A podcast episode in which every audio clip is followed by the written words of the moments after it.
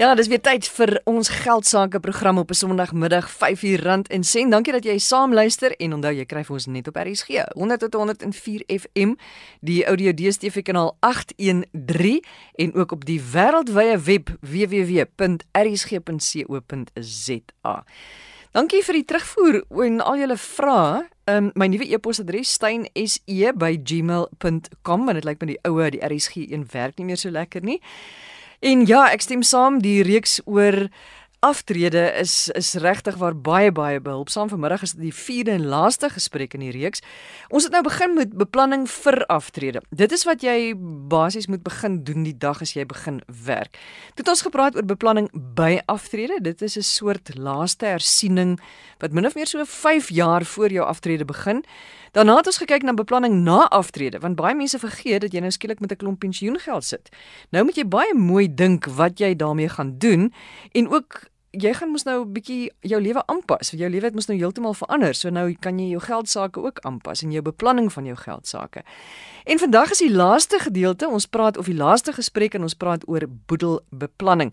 En ek weet dit klink na iets wat ouer mense aan moet dink, maar dit is helaas iets wat al kan begin die dag wat jy begin werk en bates bymekaar begin maak. Dan in die tweede deel van Rand en Sent gaan ons kyk na belasting toepassings wat die lewe vir ons makliker behoort te maak wanneer 'n mens jou belastinginligting wil versamel en jy wil nie sit met 'n klomp kartondose vol strokies en papiere nie. En uh, dit gaan jou ook selfs help om jou belastingingawes in te dien. So ons gaan kyk wat werk vir individue en ook wat werk vir maatskappye. Maar my eerste gas, Wouter Fourie, die direkteur van Escor Independent Wealth Managers, hy is ook die skrywer van die boek The Ultimate Guide to Retirement in South Africa. Hy is 'n gesertifiseerde finansiële beplanner en ook 'n rekenmeester. En Wouter, ons laaste gesprek vanmiddag, boedelbeplanning. Reg, ek dink die, belangrike gedeelte van boedelbeplanning na aftrede is om die lewensiklus mooi af te sluit. Ek dink die grootste negatiewe ding wat kan gebeur is 'n mens deur jou lewe al die bates opgebou het, het 'n fantastiese pensioen en dan jou boedelbeplanning nie reg nie en dan op die ouene betaal jou begunstigdes 'n lot belasting wat mm-hmm. onnodig is of daar's likwiditeitsprobleme in jou boedel en dan moet bates verkoop word wat jy gedink het of graag sou wou laat oorgaan na kinders toe wat nou nie kan oorgaan nie want daar's nie genoeg kontant in die boedel om die uitgawes te kan betaal nie. En dan ook die die wonderlike voorreg om vir iemand iets te kan gee iets wat jy opgebou het jou lewe, dalk vir iemand 'n hupstootjie in die lewe te gee om vir hom of haar 'n paar rand te los en vir hulle dan die geleentheid te gee om dit reg te kan benut. So hoe doen jy dit? Wat is belangrike aspekte dan van boedelbeplanning? Reg, so die heel belangrikste natuurlik is om 'n testament op te stel. En 'n testament wat relevant is, wat voldoen aan huidige wetgewing en dan ook sorg dat jy nie onnodige kostes gaan betaal nie en ook nie onnodige belasting gaan betaal nie en om seker te maak dat dit eenvoudig genoeg is sodat dit vinnig afgehandel kan word. En waar doen ek dit? Testament kan jy self opstel. Jy kan ook jou rekenmeester of ouditeur vra, jy kan jou gesertifiseerde finansiële beplanner vra of jy kan na 'n prokureur toe gaan en en dit deur hulle laat opstel. Maar dit is belangrik dat jy as jy nou byvoorbeeld na 'n prokureur toe gaan dat dit mense is wat met boedels deel. Ja, ek dink enige professionele persoon wat jy mee gesels wat jou help met 'n testament opstel moet dan ten minste ervaring hê van boedelberedering ook. Dit help veel jy doen net beplanning, jy het nog nooit 'n boedelbereder nie, want dan gaan jy nie weet wat die vangplekke is nie. So maak seker dat as jy met iemand gesels dat hulle ervaring het, kwalifikasies het en en kundigheid het om dit te doen.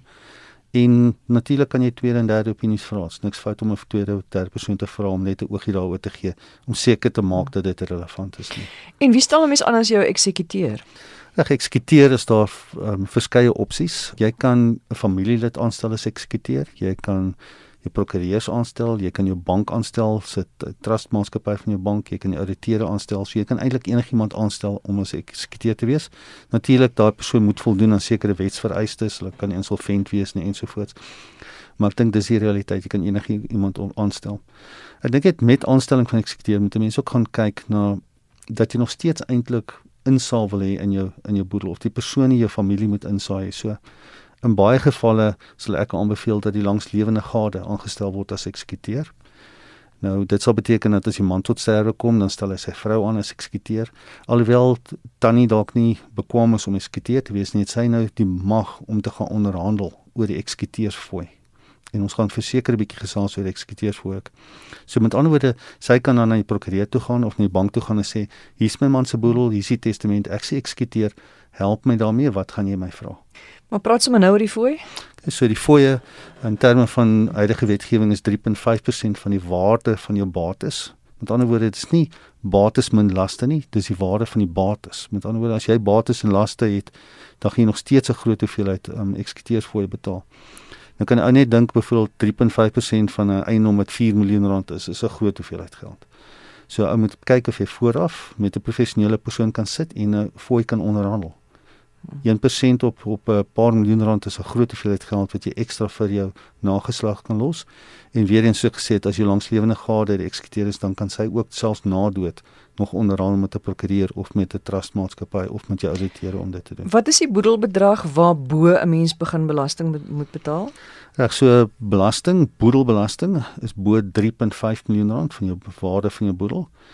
Maar daar's een mooi uitsluiting artikel 4kie wat sê dat as jy jou bates alles in jou langslewende gade oorlaat, dan gaan jou 3.5 miljoen rand korting oor na die langslewende gade toe en dan wanneer hy of sy tot sterwe kom is dit jou 3.5 miljoen plus hy of sy se 3.5 miljoen wat dit dan 7 miljoen rand maak. So bo 7 miljoen betaal jy dan 20% as dit na die oorerwing van die eerste erfenis is. Enigiets wat ons nog moet weet, wanneer begin 'n mens met jou boedelbeplanning? Weet jy voor aftrede, vandag is nie 'n slegte tyd om te begin nie. Gaan stel 'n lys op van jou bates en laste. Bepaal hoe jy dit wil toedeel en maak seker dat jou testament dit so aanspreek. Maar dit maak eintlik vir my sin die dag as jy begin werk, wil ek amper sê. Korrek. Die dag as jy inkomste begin kry, wanneer jy huis koop, wanneer jy bates begin versamel. Dit is korrek, want die eerste dag wat jy bates het. Die meeste van ons het bates wat ons nie eens besef nie as jy eers dag begin werk as jy 'n pensioenfonds het en ons lewensdekking gekoppel aan die pensioenfonds, skielik is daai 'n bate vir vir ter sprake is. Baie belangrik by boedelbeplanning en, en spesifiek na aftrede ook is. Mens moet gaan kyk na die likwiditeit ook in jou boedel. Is daar genoeg kontant om die uitgawes te kan betaal? Want die laaste ding wat jy wil doen is om uh, eiendom oor te laat aan 'n uh, persoon vir wie jy omgee te kind en daai kind kan nie die eiendom vat nie want daar's nie genoeg uit um, kontant in die boedel om die uitgawes van die boedel te kan betaal nie. Nou dit kan 'n mens doen deur saam met 'n gesertifiseerde finansiële beplanner te sit. Hulle kan vir jou boedel likwiditeitsberekening doen. Jy kan ook vooraf jou boedel berekening doen om te sien presies wat die wat die uitgawes is, maar die likwiditeit is baie belangrik binnekant in 'n boedel. Nou waar likwiditeit 'n faktor speel is byvoorbeeld as jy 'n lewenspolis het en jou lewenspolis is op jou lewe en jy stel 'n begunstigde aan. Jy maak byvoorbeeld jou vrou die begunstigde of 'n kind 'n begunstigde.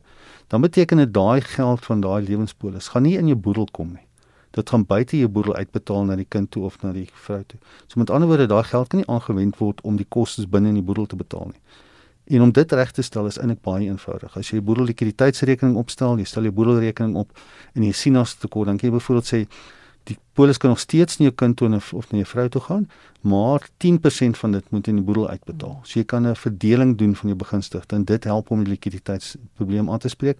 Wat beteken dat die boedel vinniger afgehandel gaan word? Wat beteken dat jou liefde wat jy wou oordra deur 'n bate baie vinniger kan vestig by jou begunstigdes? Wat is alles boedeluitgawes? 'n Boedeluitgawes is die uitgawes wat binne in 'n boedel aangegaan word vir vir die uitgawes. So as mense gaan kyk na likwiditeit binnekant 'n boedel, sal uitgawes byvoorbeeld al die skuld wees wat daar is.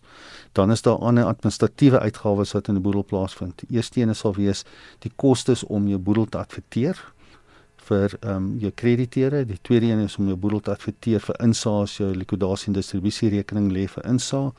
Die derde een sal wees om begrafniskoste te betaal bankkoste te betaal daar binnekant en dan ook as daar byvoorbeeld eise teen die boedel is, is dit nie 'n uitgawe, dit is nie 'n koste vir die boedel nie, maar dit kan ook 'n likwiditeitsprobleem op die boedel gee dat daai eis moet uitbetaal word uit die boedel voordat die boedel afgehandel kan word.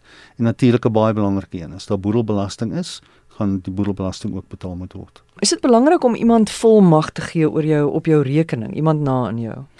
Ja, ek dink nie boedelbeplanning en volmag is, is saam die die belangrike gedeelte nie. Ek dink waar die volmag inkom is voor boedelbeplanning waar mense op 'n stadium kom in die lewe wat jy oud is en jy kan nie meer self besluite maak oor jou finansies nie. Ehm um, dan sal 'n ou graag aan iemand volmag wil gee om dit namens jou te doen. En in Suid-Afrika het ons 'n redelike ernstige uitdaging wat dit aanbetref. Van die volmag wetgewing wat in Suid-Afrika bestaan, die power of attorney soos dit ons Engels verstaan verloor eintlik sy krag die dag as jy nie meer besluite kan maak oor jou eie bates en laste nie. So 'n power of attorney gee net vir jou die reg om seggenskap oor te dra terwyl jy seggenskap daaroor het, maar as jy nie meer kan besluite neem oor iets nie, het jy meer seggenskap nie, so jy kan nie daai mag oordra aan iemand anders te nie. En ek het al 'n baie keer gesien waar daar boedelbeplanning gedoen is waar mense vir 'n 'n kliënt 'n kliënt sê dat hulle power of attorney kan teken en dan sal hulle die mag oordra en dan kan hulle die bates hanteer namens daai persoon. Gaan kyk weer eens daarna as jy enigstens blootstelling daarin het, dit is nie geldig nie. Die dag as jy jou beheer oor verloor jy die eie besluite, kan jy nie daai mag oordra nie. En dit vraag dan 'n baie groot faktor veral as jy sit met ouer mense en dan moet besluite gemaak word oor ehm um, mediese kostes of moet hulle die huis koop, moet hulle die huis verkoop, dan het 'n ou gewoonlik 'n probleem en 'n ou moet vooraf moet jy planne maak om dit aan te spreek. En watse planne kan 'n mens maak? Wel heidaglik hoop en bid ons dat die wetgewing in Suid-Afrika die krag van 'n eh, van 'n volmag vir ons gaan herstel. Daar sal heelwat navorsing gedoen, daar's komitees opgestel ensovoorts. Maar tot tyd en wyl dit gebeur, dink ek is dit belangrik dat jy vooraf met jou ouers kan sit of met ouer mense kan die besluit maak oor wie verantwoordelikheid gaan vat van wat en dan ook te gaan kyk na die opsie om dalk 'n spesiale trust op te stel wat van die bates oorgedra kan word na 'n spesiale trust en dan daar binnekant in hierdie trust besluite kan maak. Ehm um, weer eens daar's nie 'n maklike oplossing nie. Ons moet vooraf moet ons weet wat die bates en laste is wat ter sprake is en dan moet 'n ou gaan met familielede gesels om te kyk hoe ou dit kan aanspreek. Wouter, baie dankie vir jou tyd, jou inkom en vir al hierdie wonderlike inligting. Ons waardeer dit. Dit is Wouter Fourie. Hy is die direkteur van Escor Independent Wealth Managers. Hy is 'n gesertifiseerde finansiële beplanner en ook 'n professionele rekenmeester. Belastingtoepassings. Hoe kan dit jou help en watter is daar alles beskikbaar? Lou Barnard is die bestuurende direkteur van Outsource CFO en hy het vir ons inligting daaroor. Lou, wat is daar alles in die Suid-Afrikaanse mark? wat ons kan gebruik om die hou of jy bymekaar maak van al daai inligting wat 'n mens nodig het vir jou belastingopgawe te vergemaklik. Hallo Susan, dis 'n voorreg om op die op die lig te wees saam met jou. Ja, ek dink um, ons lewe in 'n baie opwindende tyd op die oomblik waar tegnologie besig is om ons lewens op verskillende fases makliker te maak. En um, belasting soos baie ander dinge is is net 'n proses en net 'n net 'n klomp stelsels en 'n klomp reëls. So ek dink dit is baie opwindend dat 'n mens kan baie van die belastingwetgewing kan 'n mens begin vasvang met tegnologie om regtig mense lewe makliker te maak om die, om die opgawes in te kry. Uh, vir individue iets soos TaxTim is 'n baie oulike toepassing wat 'n mens kan gebruik om jou individuele belastings uh, saam te stel. Mens kan aanlyn by taxtim.com kan 'n mens vir jouself 'n profiel skep en uh, dis dan 'n stap vir stap proses wat hulle jou deurstap um, hoe om jou belastingopgawe in te dien. Hulle vra vir jou 'n klompie vrae en dit rig basies die antwoorde wat jy gee om 'n optimale belasting in opgawe vir jou in te dien. So hulle al die vrae wat hulle vra vir vir plekke waar mens kan kan belasting bespaar, jou mediese aftrekkings en verskillende goederes soos dit, alles word ingevoer deur die stelsel. Mens kan alles oplaai en dit integreer dan direk met SARS. So dit kan sommer dan direk jou opgawe, jou ERP5 en goederes direk intrek en direk na SARS se webwerf toe stuur wat dit baie eenvoudig maak vir 'n individu vir alles mense redelike eenvoudige opgawe het. En dan ook vir vir besighede, daar's 'n klomp verskillende goeders wat dit makliker maak om jou besigheid se belasting te bestuur. Ek dink een van die grootste een van die grootste goeders wat heidaglik bydra daartoe is die cloud accounting ehm um, programmatuur wat in die mark inkom waarmee mense jou banktransaksies en al jou finansiële inligting in die cloud kan vasvang op een op een uh, sentrale plek en waarmee dan baie maklik jou finansiële inligting vir vir 'n klein besigheid kan saamstel. 'n produk soos soos Zero XGRO is is baie handig om seker te maak jy trek al jou banktransaksies reguit van jou bankstate af in jou rekenkundige stelsel in. Seker maak dat al jou invoices van daar af uitgaan, al jou rekenkundige inligting word daar so vasgevang. So as mens kyk na maatskappybelasting in terme van jou inkomstebelasting, op die einde van die dag sal jy al jou inkomste en uitgawes vasgevang en daaroor sal dit vir jou baie goeie indikasie van jou belastingverantwoordelikheid gee. En dan ook vir BTW eh, elke tweede maand of elke maand afhangende van die besigheid, daar's 'n baie nice BTW stelsel binne in die binne 'n program soos Zero wat mense help om makliker BTW opgawes saam te stel en en in te dien op die einde van die dag.